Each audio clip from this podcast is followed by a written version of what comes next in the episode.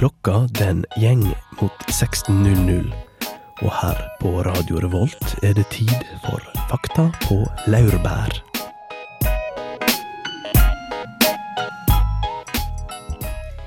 Kommer vi lenger med penger enn med kjærlighet? Nei, sier Gaute. Før kunne pengene raute. Den første valutaen var ku.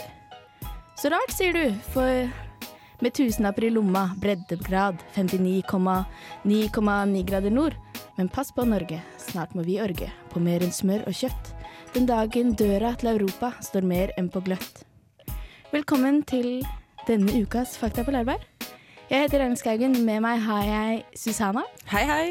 og Solveig. Hei.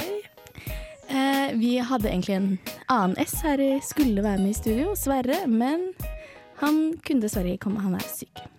Det var synd, da. Han er eh, Fakta på Laurbærs nyeste medlem. Ble tatt opp nå for en uke siden, cirka. Og vi hadde gledet, han, gledet oss til å ha med han i studio, men dessverre så gikk det ikke sånn denne gangen. Vi får håpe han ikke har fått omgangssyke. Det er jo ekstra kjipt. Jeg kjenner mange som har det nå. De skriver noe på Facebook hele tiden. Men neste ja. uke så er han vel sannsynligvis her i studio sammen med oss. Ja, gleder dere til neste uke, men ja ja, ikke ta gleden for forspill. Det blir gøy, gøy i dag òg. Gud a meg som jeg prater og roter i dag. Vi skal jo ha om penger. Det skal vi. Det blir flott. Det er veldig spennende, glitrende, flott. Roter du med økonomien også, Reinhild? Jeg roter med alt. Ja. Jeg skal, vi skal faktisk prate litt om hvordan nettbanken vår ser ut også, så da kommer alle hemmelighetene. Gruer meg. Vi skal videre. Vi skal høre på La Sera med 'Please Please My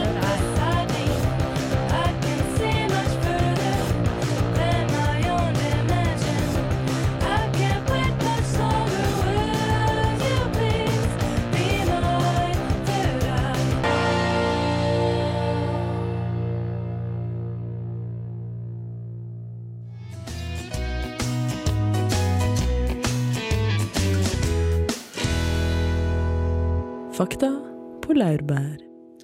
Som sagt skal vi ha om penger i ukas Fakta på Lærbær. Veldig, veldig spennende tema. Eller hva, jenter? Ja, det vil jeg si. Veldig, veldig spennende. Eh, vi tenkte at eh, jeg vet ikke, penger er så mangt. Vi skal prate litt om pengenes historie. Vi skal prate litt om hvordan vi kan tjene penger. jeg har nemlig dumt. vært på aksje- og fondskurs. Begynner å bli en, eh, noen uker siden, måneder siden nå, men det er fortsatt ganske brennhett. Ja, det er vel egentlig alltid litt brennhet. Ja, hvordan Alltid man kan vinne penger på Er det ålreit? Det er jo på en måte internett nå, fordi alt er digitalt. Ja. Men er det trygt, da? Jeg tenkte det er så veldig usikkert. Ja, det er jo litt av poenget, men hvis du følger min ABC, så skal jeg love dere at det blir penger i banken. Følg med, følg med. Det blir Eh, jo gøy. Ja, vi skal selvfølgelig også ha fleip eller fakta. Ja det, blir, det blir interessant. Om penger. Om penger, selvfølgelig. Men Solveig, Ja. du har jo ikke vært med oss i det siste. Du har hatt en liten pause. Jeg har det. Og da syns jeg det har vært hyggelig å høre litt om hva du har gjort i det siste. Ja. Rett og slett. Rett og slett. Eh, jeg har vel egentlig ikke gjort så veldig mye. Nå som jeg ikke lenger er med her, vet du, så, så har jeg så mye tid. Jeg vet ikke hva jeg skal gjøre, så jeg har sett ganske mye Sett ganske mye på Unge mødre og eh, Det lages, eh, lages litt radio fortsatt, gjør det ikke det? Det lages litt radio. Um, ja, nå må jeg jo, nå som jeg sier det på lufta, så må det jo skje. Eh, om en ukes tid så eh, er jeg forhåpentligvis ferdig med en radiodokumentar om, eh, om Israel og Palestina der jeg var på studietur i fjor. Eh, ja, så bank i bordet. Det blir spennende. Ja, gleder vi gleder oss. Ja, jeg gleder meg vel litt, jeg òg. Og mens vi er i eh, hva skal vi si, avsløring, avsløringens lille boks, så vil vi også si at Susanne har fått tildelt penger til å lage sin egen lille radiodokumentar. Det stemmer. Reiser til India og Nepal eh, nå i mars for å se på oppdrettsanlegg i Nepals fjell. Det blir gøy. Hva er det de opp oppdretter? Oppdrett av karpe. Faktisk. Så det kommer vel om ca. et års tid. Ja, noe så dere må følge med på Radio Revolt såpass lenge i hvert fall. Ja, minst. Nå kommer Nicolas Jahr med 'With Just One Glance', og etter det skal vi høre pengenes historie.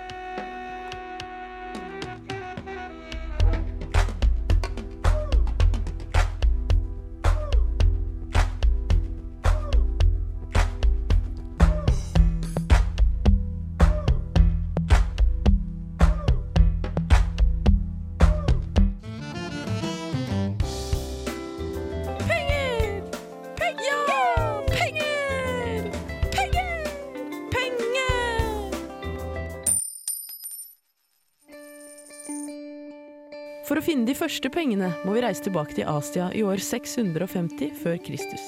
Nærmere bestemt Efesos og Sardis i Tyrkia, der de nå benytter seg av mynter som var en legering av gull og sølv, i stedet for metaller som ellers hadde vært et vanlig byttemiddel. De første sedlene måtte man vente en stund på, helt til år 1000, da kineserne begynte å benytte sedler av hvitt hjorteskinn. Det var også kineserne som sto for de første papirsedlene, som de begynte å ta i bruk under Song-dynastiet noe senere. Faktisk falt det påfølgende Yuan-dynastiet delvis pga. penger. Keiseren Shundi trykket opp så mye penger at kraftig inflasjon var et faktum. Kanskje var dette historiens første eksempel på inflasjon? Kineserne var ikke spesielt ivrige etter å gi fra seg oppskriften på papir, og det tok lang tid før sedlene ankom Europa. Faktisk var det ikke før i 1660 i vårt naboland Sverige. Men mynter hadde vi hatt en stund. I år 995 laget Olav Tryggvason de første norske myntene, nemlig sølvpenninger. Myntene bar hans navn med et bilde av ham på forsiden og det kristne korset på baksiden. Svenskene mente at myntene skulle lages i materiale lik sin sanne verdi, så da det var overflod av kobber i landet, ble myntene så store som 67 cm i diameter og veide 19,7 kilo. Dritpraktisk. I dag har vi masse penger i Norge, og disse trykkes i England og Frankrike.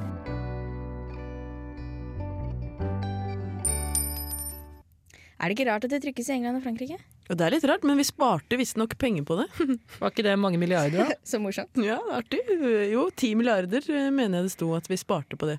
Vi var vel ikke så gode til å trykkes heller, da? Jeg håper vi brukte det på varm mat på skolen. Det håper jeg òg. Det skulle bare mangle. Men eh, det dere hørte nå, det var litt om eh, pengene i sin fysiske forstand. Men jeg har også funnet hvilke tre krav som skal til for at noe skal være en penge. Ja, la meg høre. Det første er at det skal kunne fungere som et byttemiddel. Mhm. Det er jo i og for seg innlysende. Eh, Det skal også være et eh, verdimål, altså sånn at man slipper å f.eks. tenke ja, jeg skulle kanskje gitt eh, 1000 poteter for denne kua, eventuelt to griser, for da må man oversette mellom alt. Pengene har en verdi, og da kan du heller oversette alt til pengeverdi, da. Ja, Veldig praktisk. Mm. veldig lurt. Og det siste er at eh, penger skal være et verdioppbevaringsmiddel, sånn at du kan spare kjøpekraften din til seinere og ikke må benytte den med en gang. Ja, og så tar det jo liten plass. Ja, det gjør det. Veldig kjekt å oppbevare. Ja, Istedenfor kameler og kuer, da, som jeg nevnte innledningsvis før har vært valuta. Ja. Og kameler er det vel ennå, noen steder. Ja, det er det vel. Jeg, jeg har venninner som har vært på ferie og blitt tilbudt x antall kameler da, for uh... Jomfrudommen. Nei, nei, men Nei. eh, foreldrene, ikke sant, for å gifte dem bort. Ah, ja, Der opereres det fortsatt, og i Vietnam eh, var vi en gang, da var det rismerke, ikke sant, så de bruker sånn her type ting. Ja, de gir bort en del av rismerken sin. Ja, så, så mange mål, tror jeg, med rismark, da. For en datter, ikke sant. Ja ja, Mhm. Det er fornuftig, det. Ja. Ja, ja, Men det er fruktbart begge to. Det er sant. det er veldig fornuftig. Du Ja. hadde et par fun fact om penger du år, Ragnhild. Ja, jeg hadde i hvert fall én, og det er det. Vet dere hvorfor, jenter? Det er riller på kanten av myntene. Nei. Nei, det var fint dere svarte nei. Det er fordi at i gamle dager så var jo eh, myntene laget av skikkelig edelt metall. metall. For eksempel sølv og gull. Og da var det populært å kutte av små biter langs kanten av myntene for å da liksom spare opp litt uh, gull. Kanskje du kunne bruke det til en giftering. oh, som du hadde hatt mange mynter i omløp.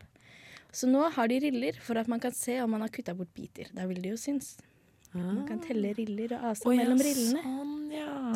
Ja, det er ikke dumt. Eh, Folk ble vel kanskje litt misfornøyde hvis de fikk eh, for lite penger. For pengene, ja. Ja. Det er helt sant. Men hvis det ikke var riller, eh, så måtte man jo likevel ha kuttet helt jevnt for at uh, man ikke skulle se om det var kuttet, hvis du skjønner. Ja, men jeg, jeg vet ikke helt. Jeg tenkte at kanskje man kunne skrape, skrape jevnt rundt hele, for eksempel. Ikke sant? Du kunne bare ta, Ja. ja. ta rundt hele flere ganger. Så det, ingeniørkunsten har slått til når det gjelder valuta. Mm, Kjempebra. dumt. Vi skal videre i sendingen. Vi skal høre på Egil Olsen Det er med en lovsang Bombastic. til dere. Det er en sang som jeg ikke har laga sjøl. Men jeg syns denne sangen er så fin at jeg har tatt den med meg videre for alltid. For den er fantastisk. Romantisk. Bombastisk.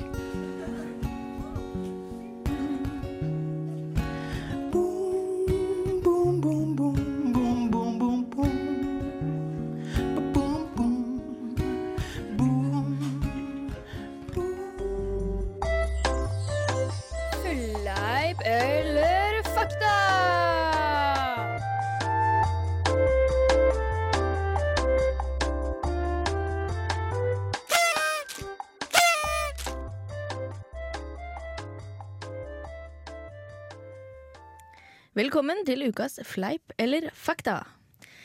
Og ja, skal vi bare kjøre rett på, jenter? Ja, du Skal skal ikke gjøre det? det? Skal vi Ja. gjøre det? OK. Og den, jeg blir nesten litt flau bare jeg tenker på det. Det første fleip eller fakta ut i dag er det koster 1000 kroner å lage en tusenlapp. Nei, det tror jeg ikke noe på. Gjør det Det er jo bare papir. Jo, men det har jo, det har jo litt eh, Men det må jo ha den kanten. verdien det Mener du liksom at det, det må jo koste 1000 kroner i den forstand at det må jo ha den verdien det har? Ja. Men eh, jeg, altså, nå er ikke jeg noe veldig genial på sånn økonomi, men jeg tenker jo at eh, du kan liksom ikke tjene en skit på de pengene hvis alt bare har den samme verdien hele tiden. Eh, Eller altså, hvis, er- hvis jeg tar ut det en- 1000 kroner i Ja. minibanken, og den tusenlappen som kommer ut, er jo verdt 1000 kroner, men det kan ikke ha kostet 1000 kroner å lage den. Da vil jo alle penger rundt. gå til å trykke penger.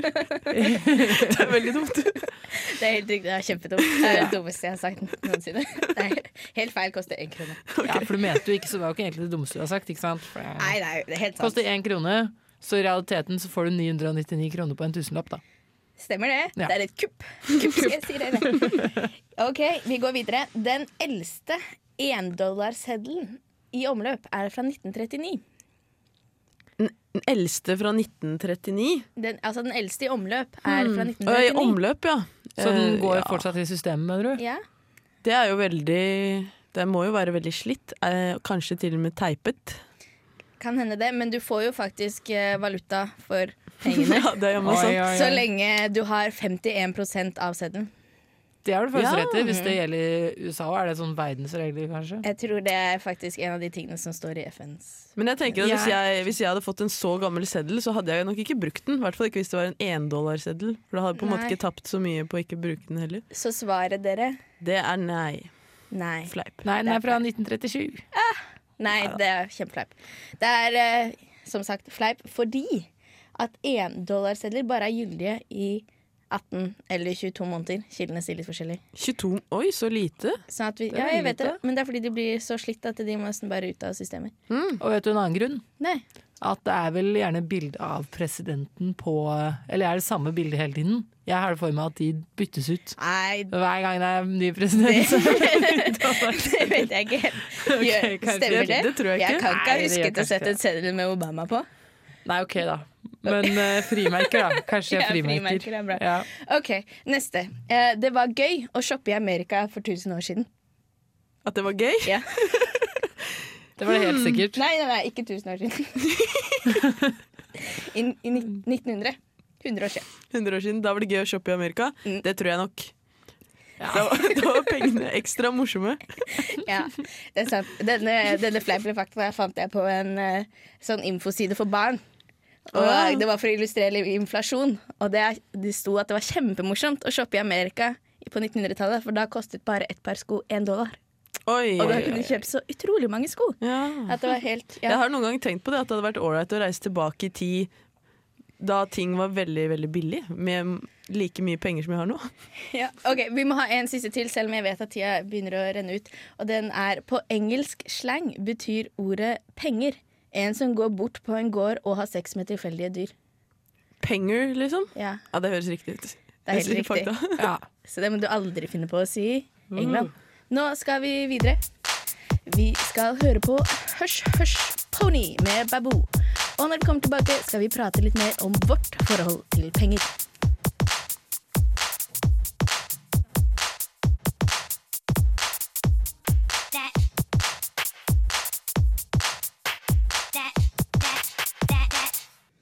Der hørte du Hørs, hørs, et eller annet, fordi nå forsvant tittelen. Eh, du hører på Fakta Bleiberg, og vi prater om penger. Og nå skal vi prate litt om vårt eget forhold til penger. Og da tenker jeg ikke mer sånn hva vi bruker penger på og sånne ting, men eh, hvor komfortable er dere med pengene deres? Ja. Oi. Eller skjønner dere hva jeg mener, jenter? Eh, Ja det, Hvis du spør på den måten, da, så kan jeg vel svare at eh, til tider så er jeg kanskje litt for komfortabel med mine egne penger. Ja. Du bruker det opp for fort, er det det du mener? Jeg gjør det. Jeg husker mitt første år som student i Trondheim, hvor jeg nesten konstant gikk rundt sånn der siste to ukene før neste spenn og hadde kanskje syv kroner på kontoen, eller i verste fall minus. Mm. Jeg, har et veldig, jeg liker veldig godt å ha en slags buffer, fordi det verste jeg vet, er å forholde meg til penger. Så jeg vet at det bare må være penger der. Ja. Ja, men det- jeg. Sånn at jeg liker på en måte Jeg tenker det har litt, eh, det har litt å si hvor i livet du er. Da. Når jeg blir voksen, så vil jeg nok ha en buffer som jeg vet står på kontoen på kanskje 50 000. Nå har jeg ca. 10 Mm. Som Ja. er liksom sparekontoen min, da, som jeg kan bruke av. Fordi jeg har ikke lyst til å logge på nettbanken mer enn én en gang i måneden. Oi, du er der, du. Ja, Det er helt forferdelig. Men vet du hva, jeg syns det er supersmart. Jeg er ikke helt der. Jeg hadde en stund minus 42 kroner på nettbanken, nei, på, på eh, sparekontoen, da. Og sånn sto det veldig lenge, og til og med da jeg hadde råd til å, til å gjøre noe med det, så gjorde jeg ingenting med det. Altså da jeg hadde råd til å spare, så sparte jeg ikke, for jeg kom aldri i gang. Hva tenker Så- du, Susanne? Jeg er også litt tilhenger av det å slippe å gå inn på nettbanken sånn altfor mye, men heller ha litt sånn begrep sånn cirka hvor mye penger man bruker. Det syns jeg er ålreit. Men ja, hvor mye penger har vi lyst til å ha når vi er voksne? Har vi lyst til å bli sånn skikkelig rike, eller er vi, er vi tilfreds med en gjennomsnittlig årslønn? Jeg må nesten bare være tilfreds. Jeg har jo slutta å studere sivilingeniør, så nå har jeg bare gitt opp den drømmen der. Eh, men jeg tenker at så lenge du har råd til å dra på ferie, og så lenge du ikke liksom sliter med å betale huslånet, så er jeg helt fornøyd med det. Ja, enig der. Jeg syns også det er å ha råd til å ta seg en ferie i ny og ne, og at jeg ikke må tenke at nå blir det for dyrt når jeg kjøper kaffe på kaffebar. Akkurat. Slippe å tenke det. Kaffe latte-faktoren er høy Ja. i framtidige Susannas liv. Ja, det er jammen sant. Bare det ikke skjer fem ganger i uka, tenker jeg, så er jeg egentlig veldig enig med nei, dere. Nei. Ja. Fem ganger i uka. Vi eh, var jo litt inne på eh, hvordan vi bruker pengene våre i dag. Og når vi kommer tilbake etter hvert, så skal vi prate om eh, hvordan nettbanken vår ser ut. Vi har med oss hver vår utskrift fra nettbanken for å på en måte avsløre hvordan et eh, vanlig student, typisk student bruker pengene. Mat, klær, litt forskjellige ting. Men før det skal vi høre på Lars and The Hands of Light med Mi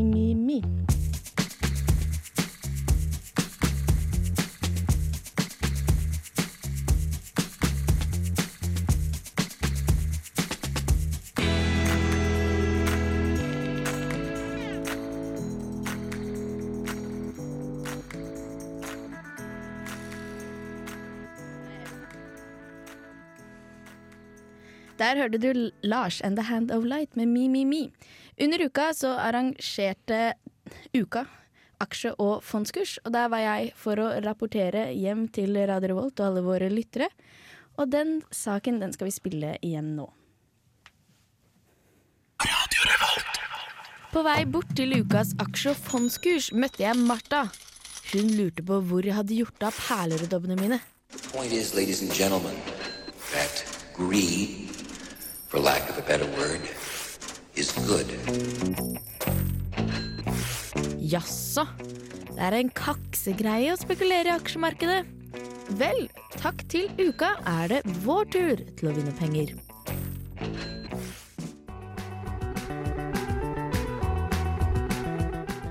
Arrangementet er utsolgt, men likevel er det glissent på klubben denne fredags ettermiddagen. Klientellet er dessverre ganske homogent, og jeg tror nok ikke frafallet skyldes slitne kropper etter gårsdagens Vidar Buss-konsert. Dere har jo litt forskjellig bakgrunn alle sammen, så jeg tenkte vi skulle starte med en liten håndsopprekning på hvem som er, eh, går f.eks. på et ingeniørstudie. Eh, Økonomer. To herrer i mørk dress, lyseblå skjorter og lepper med plastlemprell ønsker velkommen til kurs med å spørre om hvem som vil bli millionær. Samtlige rekker opp hånda, undertegnede inkludert.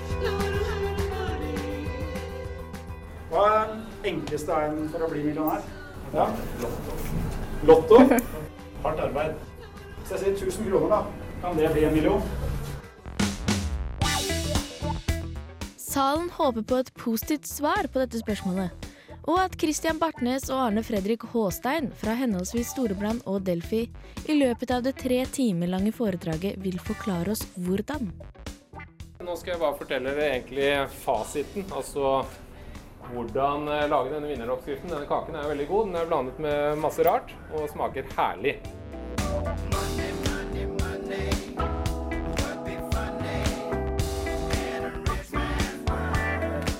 Denne oppskriften er skrevet med et helt annet målesystem enn det jeg er vant med. Når mine desiliter blir til cups og kilo til pounds, er det vanskelig å henge med i svingene. Christian og Arne Fredrik blir nødt til å oversette spekulantenes språk for oss lekmenn. Jeg skal prøve å lage et bilde hva forvalter og, og råvaren aksjen eh, har å si.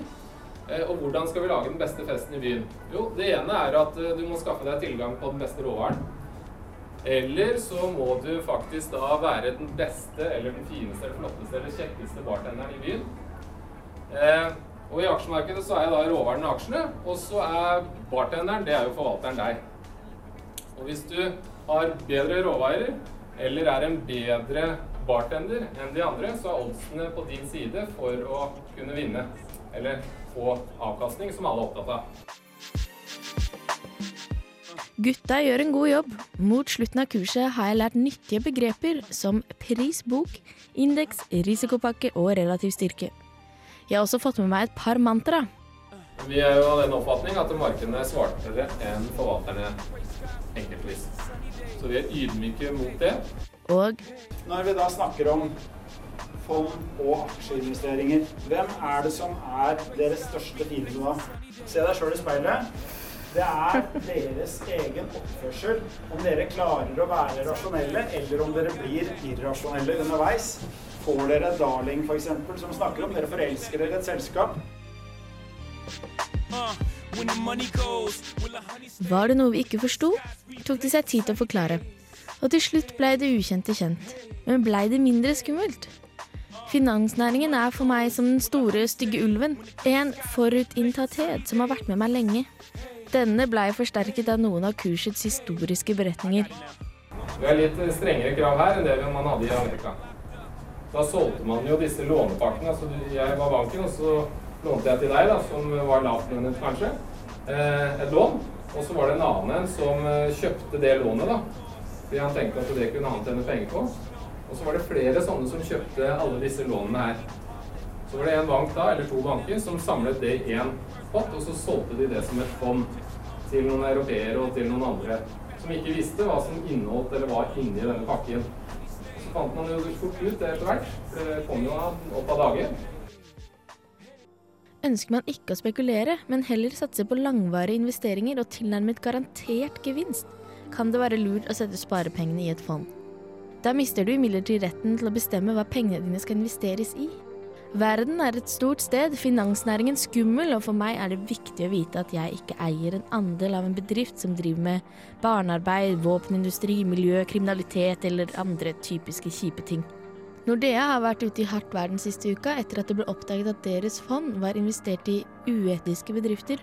Dette er bedrifter det norske oljefondet har avgjort er innenfor bransjer den norske stat og folk ikke bør investere i. Og de fleste andre fond forholder seg også til disse retningslinjene. Storebrand og Delphi har også tro på de etiske bedriftene. Vi tror ikke at eh, det er for det første bærekraftig i det lange løp å investere i den type bedrifter. Så jeg tror at du vil få høyere avkastning hvis du også ser på miljøaspektet eller eh, den type elementer.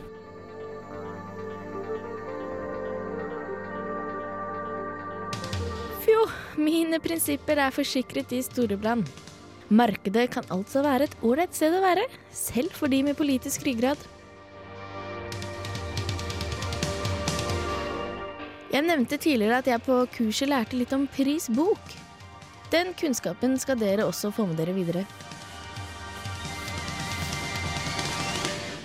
I mellomtiden går jeg til innkjøp av perleøredobber og taster inn www.netfonds.no i nettleseren. Jeg kan bare forklare litt rundt det med historisk prising og prisbok. Det er en veldig fin måte å se hva slags verdier som ligger i selskapet her. Hvis prisbok er én, så kjøper du en krone for en krone. Her sånn så har vi lagt inn prisbok, og det er den røde linjen. I 2008 var vi nede på den blå omtrent. Da var prisbok 1. Når den nærmer seg prisbok 1 på hele Oslo Børs, da er det bare å droppe å kjøpe øl og spagetti og kaste alle studielånspengene inn i markedet.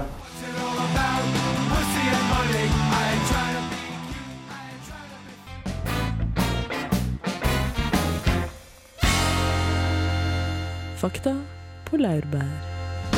Der hørte du Po-Po med Final Fight, og før det så hørte du hvordan du kan vinne penger, eller tjene penger, med å spekulere på børsen. Men når man først har fått de pengene, da, vi får dem jo kanskje mest av Statens lånekasse, Ja, det er vel riktig det. hvordan er det vi bruker de? Nei, vi har jo vært inne og sjekka nettbanken, eh, vi da. Og sett litt på hva vi har brukt penger på. Jeg har sett på hva jeg har brukt penger på den siste måneden. Ja, Det Kanskje du kan dele det med oss, Susanna? Ja, altså den uh, førsteplassen går jo ikke uventa til bolig. Nei, Det er ikke så uventa. Det eh, Da har jeg regna med både leie og internett og strøm og det som hørte der, da. Mm. Og det blir Men du bor jo veldig pent. Ja, skal ikke, skal ikke klage. Det er ålreit. Andreplass eh, går til reise. Vi har bestilt en del reiser i løpet av forrige måneden. Skal til Oslo to ganger og kjørt, kjørt tog og kjøpt busskort og det som er. Så det er faktisk andreplassen. Eh, Tredjeplassen er jo da mat. Og her eh, tenkte jeg å, lite på mat. Nå skal jeg dele. 2309 kroner brukte jeg på mat. På en hel måned? Det syns jeg var veldig lite. Men så la jeg til kantine, kafé og øl. De tre kategoriene utgjorde også litt, så det blei nok litt over det dobbelte av det. Det blei det. Nå Ja. Syns du øl går under mat? Nei, det er derfor jeg har satt inn eh, separat kategori. Ja vel, ja Jeg, vel. må jeg syns øl Nei, det gjør jo ikke det. Men det er uteøl, da. Uteøl. Alle studenter burde ha en egen ølpott. Ja, jeg syns det. Synes det. Men eh, hvis ikke det hadde vært denne måten her, så hadde jo reise Altså hadde blitt dumpa en plass ned, regner jeg med. Ja, reise hadde nok eh, sikkert rykket helt vekk eh, hvis ikke det hadde vært eh, for at jeg hadde bestilt alle reisene for våren den eh, måneden her. Ja, jeg har kjapt regnet over hvor mye penger jeg har brukt i eh, februar, og i dag er det 7. februar. Og jeg har brukt 4958 kroner. Er det representativt? Nei, det er det ikke, heldigvis. Går det hardt utover bufferen din? Det går veldig hardt utover bufferen, faktisk. Jeg logget på nettbanken i dag. Jeg logger jo aldri på nettbanken. Nei, det stemmer det. Og eh, jeg trodde jeg hadde ganske mye mer penger enn det jeg hadde. Men som sant skal sies, så har jeg brukt eh, 3000 kroner denne måneden av disse 4000 på eh, reise til København og en dyr veske. Men det er jo luksus, da. Så Og eh, veska utgjorde mer enn halvparten av eh, de 3000 kronene, gjorde den ikke det? jo, det? det gjorde det. Ja, Rett over halvparten. Ja, men noe skal man unne seg, selv om man er ung. Ja. Ja, Si. det er sant. Og du da, Solveig, er du sånn som oss? Et lite luksusdyr? Jeg er nok uh, til en viss grad det. Jeg har f.eks. bestilt meg sjampo og balsam på nettet til 250 kroner. uh, ikke fordi jeg syns det var så mye. Hvis jeg, skulle, altså hvis jeg først skal unne meg frisørsjampo, da, noe jeg egentlig bør, så var det billigere enn å kjøpe noe hos frisøren. Så har jeg vært og klippet meg. Og eh, jeg har også bestilt meg en tur til København. Nei, men så gøy. Uh, Ja, kanskje vi skal dra sammen. Nei, jeg tror kanskje ikke det. Jeg skal dit i mars. Men. Men uh, nå kommer jo mitt store, min store bragd i hele januar.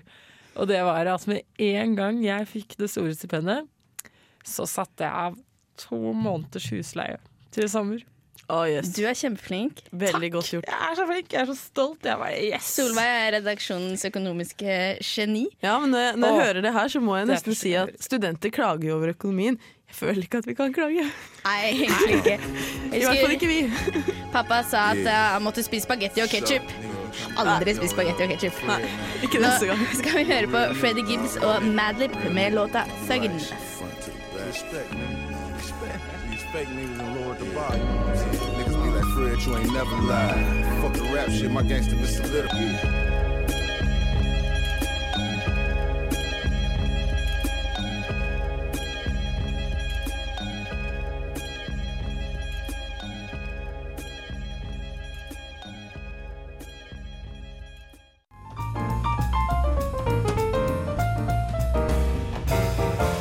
Fakta på laurbær. Faktaramme. Bruttonasjonalinntekt. Verdensbanken er en fellesbetegnelse på fem organisasjoner tilknyttet FN som jobber med rådgivning knyttet til økonomisk utvikling og bekjempelse av fattigdom i utviklingsland. De vanligste indeksene for å måle økonomisk utvikling er BNI og BNP, og disse dataene kan man finne i Verdensbanken. Internasjonalt skilles det mellom gross domestic product og gross national product der GDP tilsvarer norsk BNP og indikerer hvor mye som er produsert i et land per år. GNP har så vidt jeg kan forstå ikke en norsk ekvivalent, og står for hvor mye som er produsert av innbyggerne i landet per år. GDP er altså geografisk begrenset, mens GNP er begrenset av statsborgerskap. Når vi bytter ut P med I, får vi en indikator på hvor mye inntekter produksjonen genererer. BNI er summen av BNP, netto formuesinntekter og netto lønnsinntekter til privatpersoner fra utlandet. BNI per capita er BNI dividert på landets innbyggere. En kuriositet i denne sammenheng er at om man ønsker å sammenligne hvor mye ulike land gir til bistand, vurderes dette ved å se på hvor stor andel av landets BNI som blir gitt bort.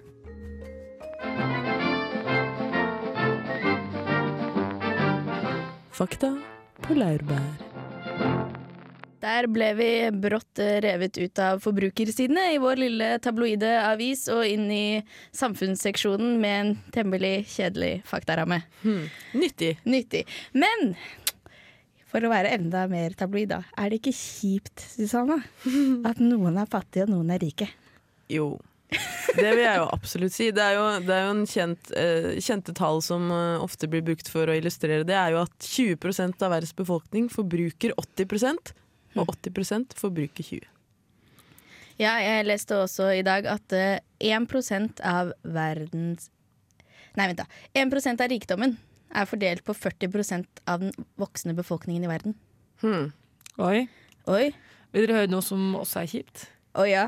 At uh, de som rammes av sånne typ glemte sykdommer som tuberkulose og sånt, sant? de Mhm. får sånne dårlige gamle medisiner fordi at de ikke er kjøpekraftige medisinforbrukere, så legemiddelindustrien bryr seg ikke om dem. Jeg tenkte jo at uh, medisinene var her for å hjelpe folk, og så viser det seg at de er så jævla kyniske alle sammen. Ja, Ja. Legemiddelindustrien, fy. Men jeg må bare innrømme noe som jeg syns er forferdelig. Eh, når vi gikk på videregående, så vi, hadde vi et geografiprosjekt om å redde verden. Og jeg og et par venninner tenkte at eh, måten å redde verden på var å eh, finansiere tuberkulosevaksiner da, til Malawi. Og måten vi gjorde det på, var grusomt. Å sende en, et brev til eh, arvingen til Walmart, Walmart, det store kjøpesenteret i USA. For hun hadde nemlig kjørt på noen når hun var ung. Så vi sa at dette var måten å kjøpe seg fri, da. Nei! Hvordan endte det her? Nei, vi fikk ikke noe svar. Men jeg skammet meg veldig etterpå.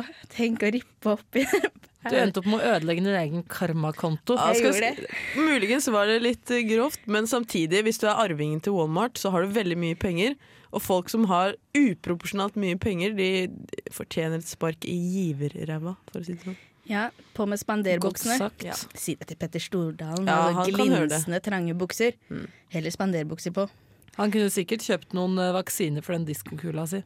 Men det skal jo sies at uh, selv om det fins mange som har mye mer penger enn oss, så har, er vi jo i det øvre sjiktet. Så nå som man har fått uh, storstipend i begynnelsen av semesteret, kan jo gi litt til en veldedig organisasjon. Ja. Og på tampen så vil jeg også ta med meg en liten uh, bekymringsmelding, holdt jeg på å si, delt fra Hans Rosling, den kjente statistikk... Statist, ja, jeg klarer ikke å si ordet ennå. Statistikeren. Ja, dere vet hva jeg mener. Eh, nå er jo eh, Asia på framgang. De har jo enorm økonomisk vekst. Men vi må passe oss så vi ikke ignorerer at Afrika også er på vekst. Sånn at vi må ikke, vi må ikke, må ikke glemme de, være opptatt av Asia. For plutselig så får vi bare En smell en smell, da. fra begge sider. Ja, Ikke det at vi på en måte er redd for at andre folk blir rike. Dette høres feil ut. Vi må bare være obs på hva som skjer i verden, dere. Mye på gang. Gud a meg. I dag var litt av en VG-sending. Rett og slett. Syns det var kos, jeg. Vi skal høre en liten faktaramme til. Litt mer fakta skal vi unne oss. Da skal vi høre om Human Development Index. Faktaramme. Human Development Index. HDI ble lansert i 1990 sammen med den første Human Development Report. Det var ønskelig med ett enkelt statistisk mål for utvikling, og at dette målet skulle være en referanseramme for både økonomisk og sosial utvikling. HDI svarer til dette. HDI består av tre hovedkomponenter. Disse er helse, utdanning og levestandard. Den aritmetiske verdien av disse komponentene avgjøres fra henholdsvis forventet levealder ved fødsel, gjennomsnittlig år med utdanning og bruttonasjonalinntekt. Her får laveste observerte verdi av hver indikator verdien 0, og høyeste observerte verdi verdien 1. Indikatorene vil få en verdi relativt til dette. Den endelige HDI finner man ved å ta et geometrisk gjennomsnitt av verdiene. Til tross for at HDI gir et mer nyansert bilde av et lands utviklingsnivå enn BNP og andre økonomiske indekser, vil forskjeller internt i et land ikke være synlige. Disse forskjellene kan være ganske avgjørende. Eksempel vil den rikeste øverste kvantilen av Bolivias befolkning rangeres 97 plasser høyere enn den laveste kvantilen, ifølge tall fra HDR 2006.